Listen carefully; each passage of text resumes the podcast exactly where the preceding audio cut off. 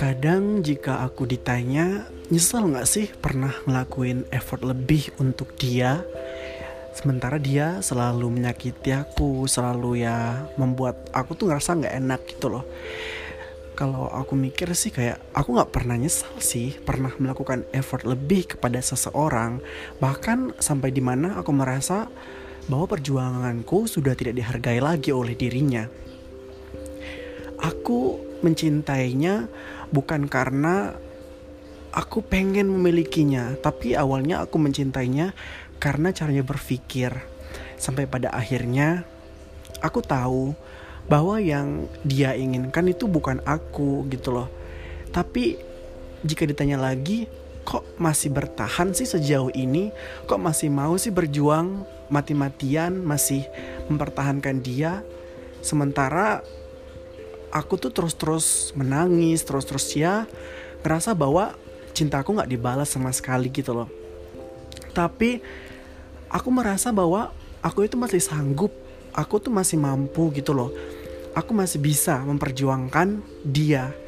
Karena aku mikir gini, kalaupun aku harus berjuang, kalaupun aku harus berhenti, itu nanti setelah aku benar-benar capek dan letih berjuang sendirian.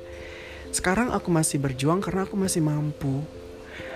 Simpelnya gini, aku mencintai dia tapi aku tahu titik terendah diriku sendiri.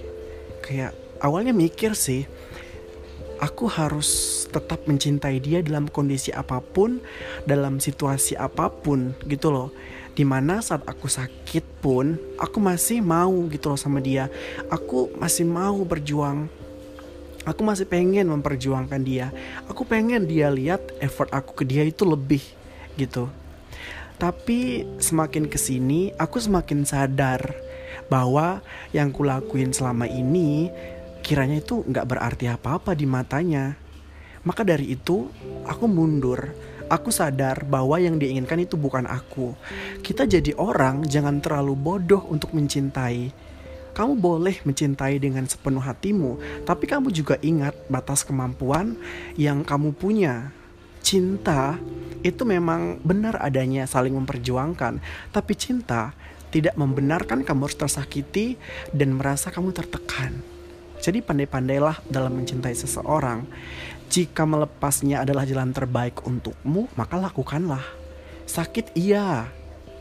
Aku juga sakit awal-awal melepaskannya tapi setelah aku sadar bahwa effortku, bahwa perjuanganku, bahwa cintaku seakan-akan tidak dianggap, aku merasa bahwa cukup.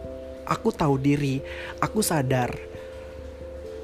Karena titik tertinggi untuk aku mencintai dirinya dan diriku sendiri, aku bisa melepasnya tanpa air mata.